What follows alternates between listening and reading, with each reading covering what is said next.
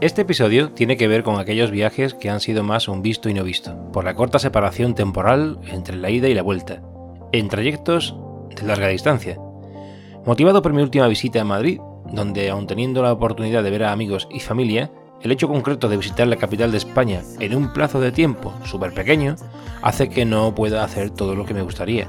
Pero tiene su punto ir para un rato, porque eso, más allá de dar el vértigo por las horas del desplazamiento y la corta estancia en el destino, permite comprender que las distancias son más cortas que los tiempos que transcurren entre visita y visita, que no se efectúan más esos viajes por dinero o por vagueza, que porque verdaderamente estén lejos.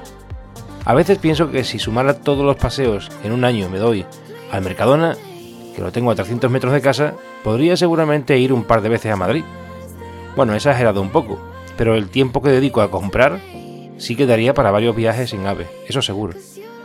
Y bien, podría comenzar por este mismo viaje, donde sin duda he ido a visitar a mi hermana, que tuvo a su hija, mi sobrina, hace ya un par de meses, y no he tenido la oportunidad de conocerla hasta ahora. Ha sido una visita intensa, como suele ser la condición de las visitas express, que como solo se va para un menester, pues no se pierde uno en otras tareas las que propiamente ha dado lugar a hacer las maletas. Creo que tiene poco relato, pero la experiencia del viaje express era novedosa para mi hijo, Álvaro, que con casi 8 años se ha quedado a las puertas de conocer el Santiago Bernabéu, algo que está deseando. Pero se lo ha pasado muy bien descubriendo que se puede llegar tan rápido a Madrid, teniendo en cuenta que las otras dos visitas anteriores fueron en coche a la Warner, una vez alojados en Pinto y otra en Arganda del Rey, también a Madrid fue un viaje express de formación de cuando trabajaba en el corte inglés, en el departamento de esquí y snowboard.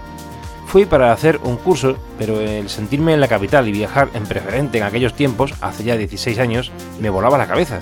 Estoy seguro que quienes se dedican por cuestiones laborales a usar el puente aéreo o incluso el AVE entre Madrid y Barcelona, sobre todo, para viajar en el día o regresar al día siguiente, están más que acostumbrados y al no tratarse de una visita de ocio, la repetición le quita esa energía o adrenalina que produce el entusiasmo de subirse a un tren o a un avión para recorrer ciertos kilómetros. Pero la realidad es que a Madrid he venido por visita express en otras ocasiones. Una huelga de educación, unas jornadas de un solo día de algo que no quiero ni acordarme, y la final de la Copa del Rey entre el Barcelona y el Betis en el año 97. Por cierto, la perdimos. Pero hablando del Barcelona, a Barcelona ha sido la mejor visita express para mí hasta la fecha fue un vuelo a las 9 de la noche a la ciudad condal y regreso, sin dormir, a las 7 de la mañana de esa misma noche, a mi ciudad natal, Sevilla. Y es que fue una putada que me dejaran sin el día libre del lunes, en el trabajo. Y habiendo cogido un vuelo súper barato, creo que fueron 30 euros ida y vuelta, y me quedaba en casa de unas amigas hasta el lunes, dos noches, resultó que tenía dos opciones. Una vez que me quitaron el día libre, pues tirar los 30 euros que había pagado o pagar otros 30 euros por un vuelo tempranero la misma mañana, horas después de aterrizar allí, con lo que seguía saliéndome barato de todos modos, pero pasar al menos la noche, una noche eh, entre amigas. El resto de vuelos del domingo eran muy caros y ya no merecía la pena. Desde luego eran otros tiempos, mi mujer de ahora era mi novia en aquel momento. Las amigas con las que pasé aquella noche eran comunes y no teníamos niños, ni unos ni otros. Y la verdad es que fue apoteósico. La cena, las risas, el cachondeo, la juventud, al fin y al cabo, son recuerdos imborrables de las cosas que se hacían cuando tenías esa edad. Muy divertido, sin duda.